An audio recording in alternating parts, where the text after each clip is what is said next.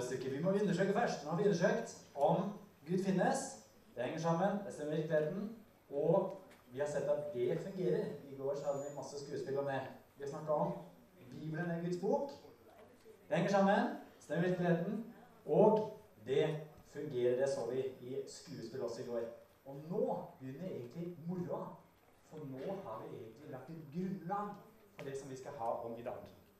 Og um, et spørsmål som jeg fikk både i går kveld og fra noen nå i stad, det må jeg bare ta opp før vi begynner på dagens økt. Og det er hvem skapte Gud?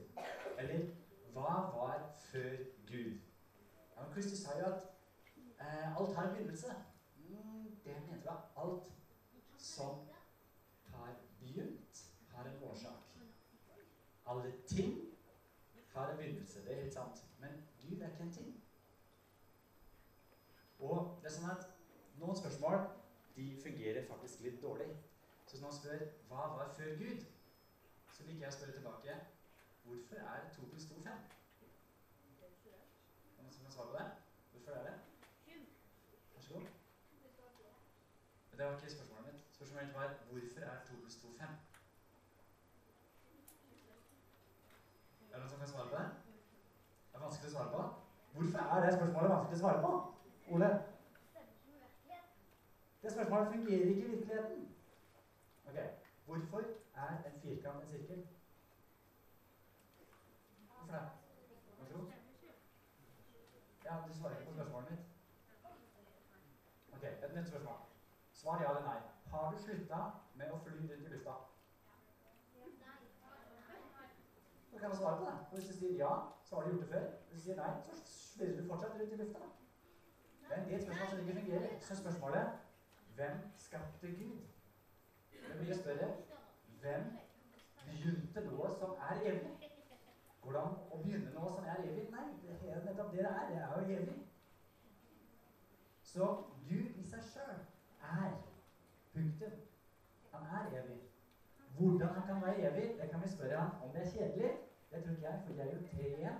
Så de har hatt det moro i all evighet. Men at Gud er evig, det er han. Hvorfor han er det, det er et annet spørsmål. Det er fordi han er Gud. Men hvem som skapte Gud, det blir som å spørre hvorfor er en sirkel en firkant?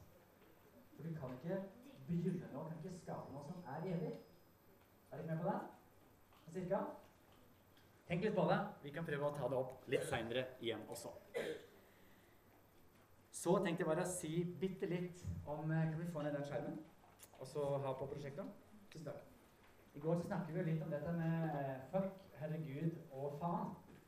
Og jeg tenkte bare å si noen få ord om det med banning. Det var ikke noe ordentlig stille i når plutselig noen skuespilte på det. Hva er egentlig de orda der? Og hvorfor er Gud imot det i Bibelen? Først så tenkte jeg å ta det ordet faen. Det er et ord for djevelen. Vi har funnet ut at det som står i Bibelen, ser ut til å være sant. Og da kan vi også stole på at det faktisk fins noen som heter for djevel. Djevelen han var en engel før i tida. Han var sammen med Gud og priste Gud, musikkens engel. Men så valgte han å gå imot Gud. og Da så Gud må det ut. Og siden har djevelen prøvd å ødelegge for Gud og for oss. Jeg ikke gått rundt og hele tida kalt på djevelen. Han fins på ekte. Det er ikke så lurt å tulle med han. Derfor vil jeg ikke bruke det ordet faen og ting går gærent'. Det er ikke lurt. For det er rett og slett et ord for djevelen. Eh, fuck det er jo et uttrykk for noe som Gud har skapt, faktisk. Som er det mest fineste en mann og kvinne kan gjøre når de har gifta seg. Og når du bruker det ordet, så drar du det rett ned i søla.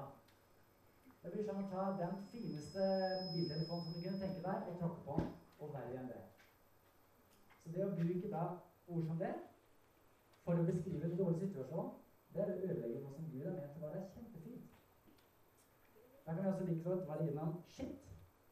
Det er jo ikke så ille. Men det gjør noe med en situasjon. Hvis f.eks.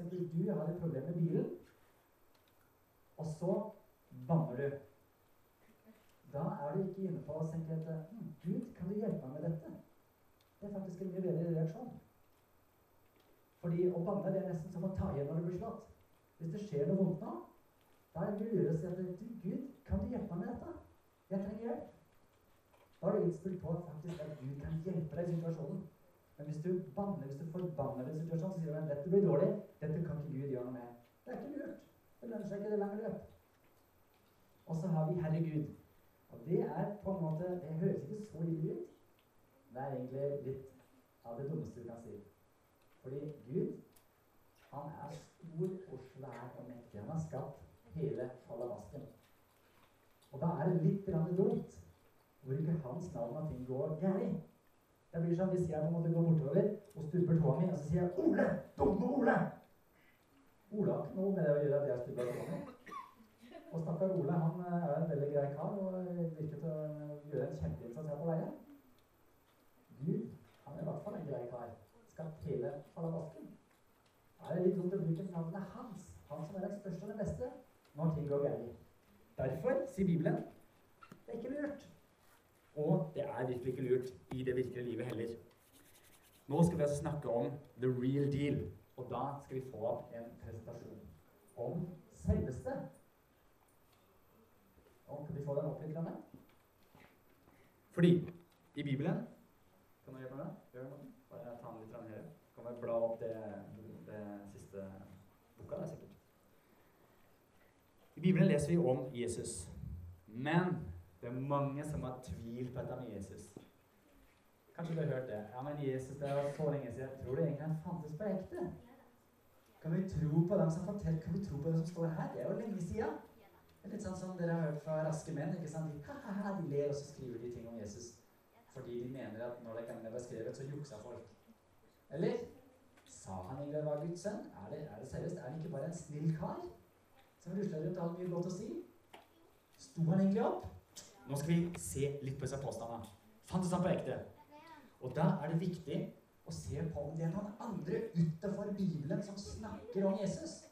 Og det er det mange som faktisk gjør. Eksempel en som heter Cornelius Tiberius. Han skriver Skal vi, lese, skal vi se på det? Han skriver om at kildene sier at Nero hadde satt fyr på en by som heter Rom, og la han skylde på noen som kalles kristne.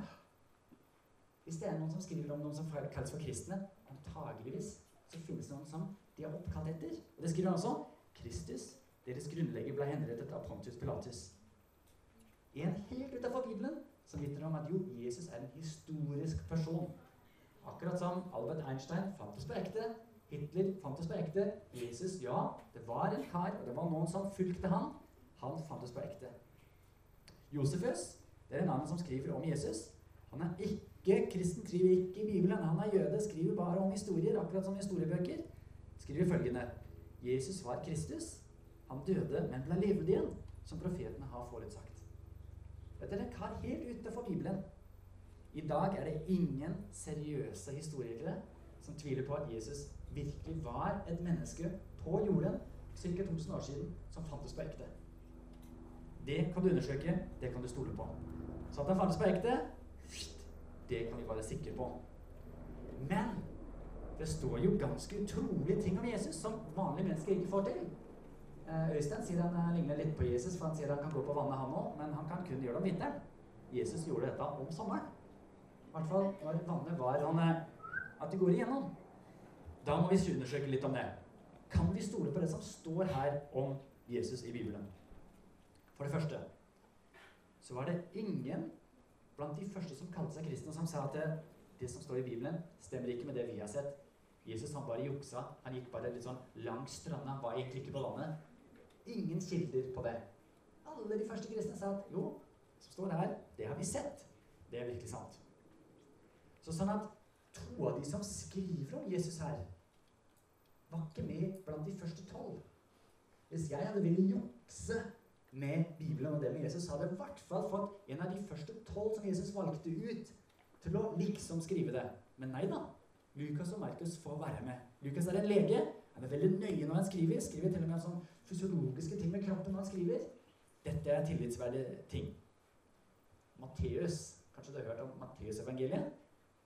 Han var en kar som var hata i det området. For at han hadde fått seg jobb hos romerne.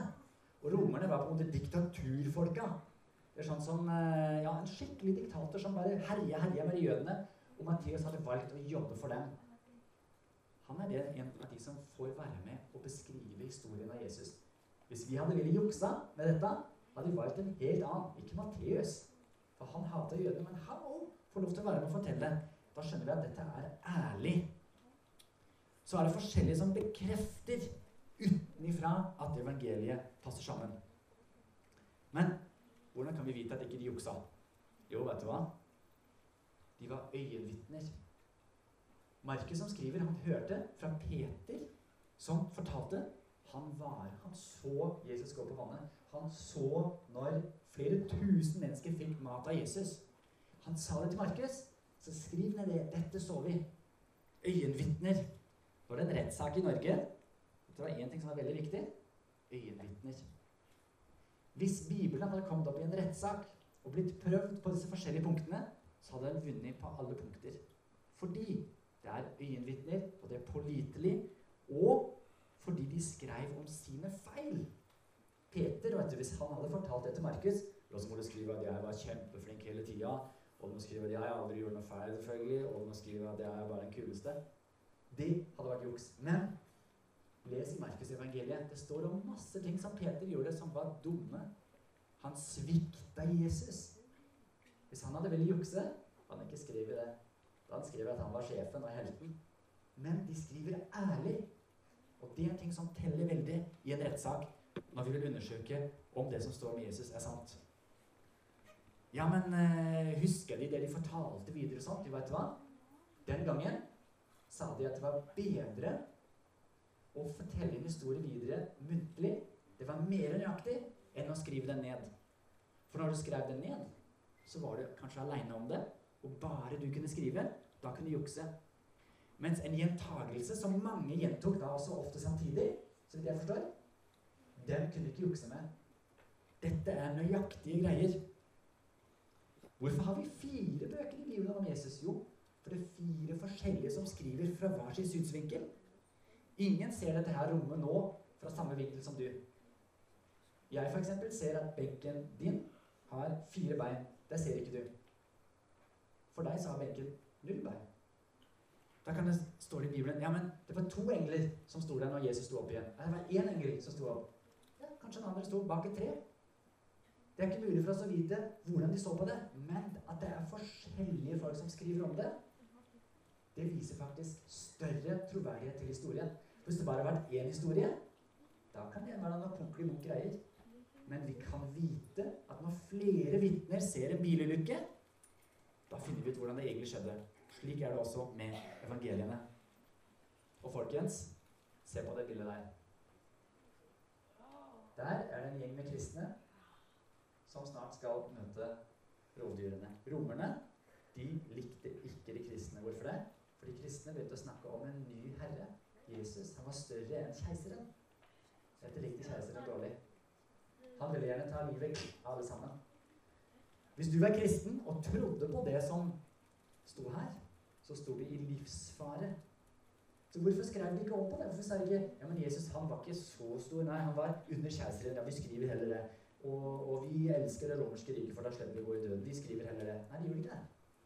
De skrev det akkurat som det skjedde. De gikk i døden for det. Hvis noen går i døden for noe, da har de skikkelig troa på at det er sant. Deres historie har vi her. Ikke bare det. Andre historiske skrivere skriver også om hvordan Jesus gjorde under. Men de veit ikke hvor hans kraft kommer fra. De har ikke hele bildet. De vitner likevel om det. Kan vi tro på det som står i Bibelen om Jesus? Ja, faktisk. Det er troverdig. Men var Jesus kanskje bare en snill kar? Jesus selv sier, når han blir spurt, 'Er du Messias?' 'Jeg er det', sier han. Ja. Hvis ikke han hadde vært det, så hadde han heller ikke svart ja til det som Thomas sier til ham. Thomas sier til Jesus, 'Min Herre og min Gud', og Jesus tar imot det. Når Jesus stiller stormen, husker en historie hvor det er masse bølger, og Jesus sier Plutselig står sjøen helt stille. Så tilber disiplene Jesus som Gud. Og det tar han imot. Heller ikke er det noe vits for han å dø på korset hvis han ikke er egentlig Gud på ekte. For da kan han ikke redde noen som helst. Han kunne også stukket av, men han fullførte. Han var virkelig Guds sønn. Det er masse sånne historier i den eldste delen av Bibelen om Jesus. Mange, mange historier som forteller om hvordan Jesus kom til å bli. Jeg tenkte nå, Ole, kan du få lov til å komme hit? Tenkte nå når Ole ble født Så var det ingen som visste åssen han kom til å bli. Men tenk deg nå, når det har vært en gjeng som for flere hundre år siden, 600 år siden hadde fortalt at jo, på en dag så kommer Ole til å dra på Horve leirsted og ha på seg en blå genser. 600 år siden. Da hadde han tenkt at det var ganske snodig. Det, det var enten utrolig heldig, eller så visste de nå som ingen andre kunne vite. Kan sette det. Men som Jesus er det 60 minst sånne store profetier. Hvis du bare tar åtte av dem, så er det en veldig høy sannsynlighet for at det skal være sant. Det er utrolig greit. Det er sånn regnestykke på det. Vi tar det en annen gang. Men det er masse historier om at Jesus faktisk var Guds sønn i Bibelen. Og det viser seg til å være sant. Han blir født av en jomfru. Han blei såret på korset. Han døde. Han lå i en grav hos en rik mann. Han ga sitt liv til soning. Alle disse historiene stemmer, selv om de ble skrevet mange hundre år. Ikke om Ole, men om Jesus. Og det skjedde slik det var. Han var jammen Guds sønn. Men sto han egentlig opp fra de døde? For det første, for å stå for de døde, så må han være ekte død. Og da kan du komme hit. Altså, når Jesus hang på korset Kan du ta den med? Så eh, sa jeg at det var de siste greiene, og så døde han. Og da var de ikke helt sikre på om han var ordentlig død. Så en av folka som så at han døde, han tok en digerkniv eller spyd og stakk det inn her. Og det som kom ut da, det var ikke bare blod, men det var vann og blod. Hvorfor egentlig? Jo, for at når en kropp dør, så størkner hele greia, og blodet og vannet skiller seg. Så det renner ut Det gjennomsiktige greiene, det er vann. Og blodcellene de samler seg i en slags gørr og renner ut separat. Og det skjedde. Det viste at Jesus var ordentlig død. En annen ting som viste at han var ordentlig død, var at de andre to som hang ved siden av, da tok de meg en diger kølle og knakk beina på dem for å sjekke at de var ordentlig døde. Det var de da. Eller ikke for å sjekke at de var ordentlig døde, men for at de skulle dø skikkelig. Men på Jesus så var ikke det nødvendig. For han hadde støkk i spydene der, og de så på ham. Denne mannen lever ikke lenger. Han er hengt på korset, han har blitt piska, han har mista så mye blod. Han puster ikke. Her er det finito. De knakk ikke beina til Jesus. Fordi de så at han allerede var død. Mens det gjorde de med de andre for at de skulle være sikre på at de skulle være døde. Det var de allerede med Jesus. Han var ordentlig død. Men hvordan kan vi da vite at han sto opp igjen? Jo, de hadde vektere foran graven. Ingen kunne stjele kroppen til Jesus. Dette var folk som hadde like mye makt som nå med en maskingevær. De var skikkelige, flinke soldater. De regjerte over hele verden. Der sto de og vokta, men graven var likevel tom. Hvordan skal en kropp komme seg ut av en grav når den er bevokta? Jesus viser seg for folka. Ja, men de juksa kanskje. Vet du hva? De gikk i døden for dette. Jesus sto opp igjen og ikke bare viste seg på noen få puslete folk i en skog i et mørkt hjørne. Han viste seg for tre ganger så mange som vi er her nå. Ikke engang Jesus sine fiender sier at det var juks at han var levende igjen. Han var levende igjen på ordentlig. Pluss at han forandrer livet i dag. Så når fra de døde Ja, han gjorde faktisk det. Men så er spørsmålet Hvorfor gidder Gud å holde på med dette her? Hvorfor gidder Gud å gjøre det som dere har lest om i dag? Her står det Hva skal vi si til dette? Er Gud for oss? Hvem er da imot oss? Han som ikke sparte sin egen sønn, men ga ham for oss alle. Kan han gjøre noe annet enn å gi oss alle ting sammen med ham? Det var det også en annen som lurte på. Og han heter kong Oskar. Da er vi kongen der. En mektig konge. Han hadde et rike som er større enn Dyreparken i Kristiansand. Det er ikke så veldig stort, men han var nå i hvert fall en konge. Han hadde en sønn som heter Lille Per. Lille Per var veldig glad i fiske. Og eh, denne kongen, han dreiv og regjerte over riket sitt. Og på formiddagen så pleier han å regjere og sitte på tronen på slottet sitt. Men på ettermiddagen da likte han å kose seg, bli rodd rundt i båten sin og spise druer. Det syns han var veldig, veldig kjekt. Men han kunne ikke forstå én ting. Og det var at han hadde en gulrotbonde som jobba for seg. Onkel Hans han står der og driver og plukker gulrøtter og koser seg. Han visste at onkel Hans var en kristen. Og kristne tror jo at den mektige Gud blei et lite menneske. Jeg syns kongen var skikkelig tåpelig, for hvis kongen ville ha noe gjort, så bare gjorde han sånn. Og så måtte en tjener gå og gjøre det. Han gikk ikke ut sjøl og plukka gulrøtter for folket sitt, liksom. Han er jo kongen. Skulle en så stor konge som Gud bli et menneske? Det syntes han var bare tull. Så da inviterte han onkel Hans bortom. Sa du, onkel Hans, jeg har et spørsmål. Hvorfor tror du at en stor gud, en stor konge, større enn meg, skal bli et lite menneske? Jo, sa onkel Hans, jeg, har en, jeg skal forklare deg det. Jeg har en idé. Men jeg trenger tre dager. Ja, greit, greit, du skal få tre dager. Det er greit. Først han gjorde, var å dra til en snekkermester. Der sa han at du, kan du lage en figur til meg som er omtrent like høy og like brei og like ansiktet som sønnen til kongen? Kan dere lille Per. Ja, ja, det skal jeg gjøre. det skal jeg gjøre. Han setter i gang. Han snekrer i vei. Neste dag kommer onkelen hans tilbake, og der får han figuren sin, lille Per, i treverk. Han tar under armen og drar til en malermester. Sier du, unnskyld meg, kan du ta så male på en her som ligner nøyaktig på lille Per, sønnen til kongen? Å, sønn til kongen, Er det bursdagsgave, eller? Nei, du må ikke si noe. Dette er helt hemmelig. Mal på, så kommer jeg tilbake. Malermesteren setter i gang så det kosten funker. Og når onkel Hans kommer tilbake neste dag, så blir han først litt redd. Så tror han der står lille Per. Men så er det bare den dukka som har blitt malt på så nøyaktig. Den ligner på sønnen til kongen 100 Onkel Hans tar med seg dukka under armen og gjemmer seg der som kongen pleier å bli rodd forbi med sin lille, lille båt på den lille innsjøen ved slottet. Akkurat når kongen kommer forbi, så kaster onkel Hans den dukka ned i vannet. Kongen skvetter, for her er det et eller annet. Han mister drua si, mister fatningen og ser at det er sønnen sin i vannet. Og han kaster seg uti. Han glemmer å ta seg krona og hiver seg ut for å redde sønnen sin. Svømmer alt han orker, kommer fram til dukka og skjønner at her har han blitt lurt, og blir litt sur. Akkurat da han blir dratt opp i båten igjen, så kommer onkel hans gjemmestedet sitt. Og kongen, han lurer på hva er det for noe dette? Jo, sier onkelen hans, vet du hva? Du er jo glad i sønnen din, ikke sant? Så kommer lille Per rundt et, rundt et hjørne og har en, en bøtte med fisk, for han har fått fisk. Sier onkelen hans, jo, sånn er det med Gud også. Han er glad i oss. Du sendte ikke en tjener for å hoppe i vannet for deg for å redde sønnen din.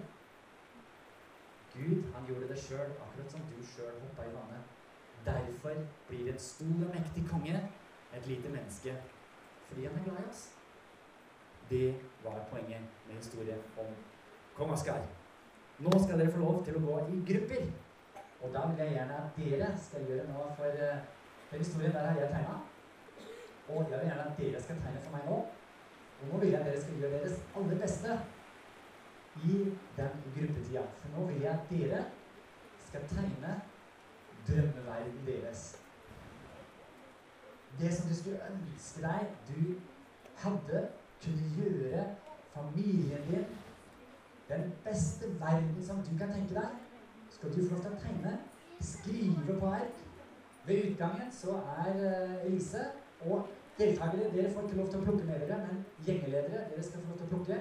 Der er det en eske, og i den eska så ligger det ark. Ta et ark med til alle gruppa.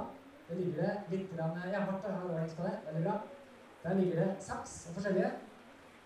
Gjør deres beste. Når dere er ferdig med det, så lever det ved inngangen til en litt snodig fyr. Dere kommer til, han, til å kjenne igjen hva jeg mener med en litt snodig fyr når dere kommer inn igjen. Han kan få det i den eska, og så, eh, og så tar vi det videre derfra.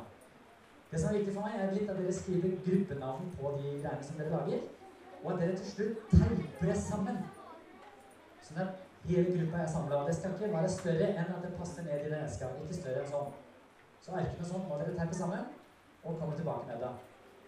Vi ringer bjella når det er på tide. Dere må være litt raske, men gjør likevel deres beste. Tegn og skriv og drøm sammen. Vær så god.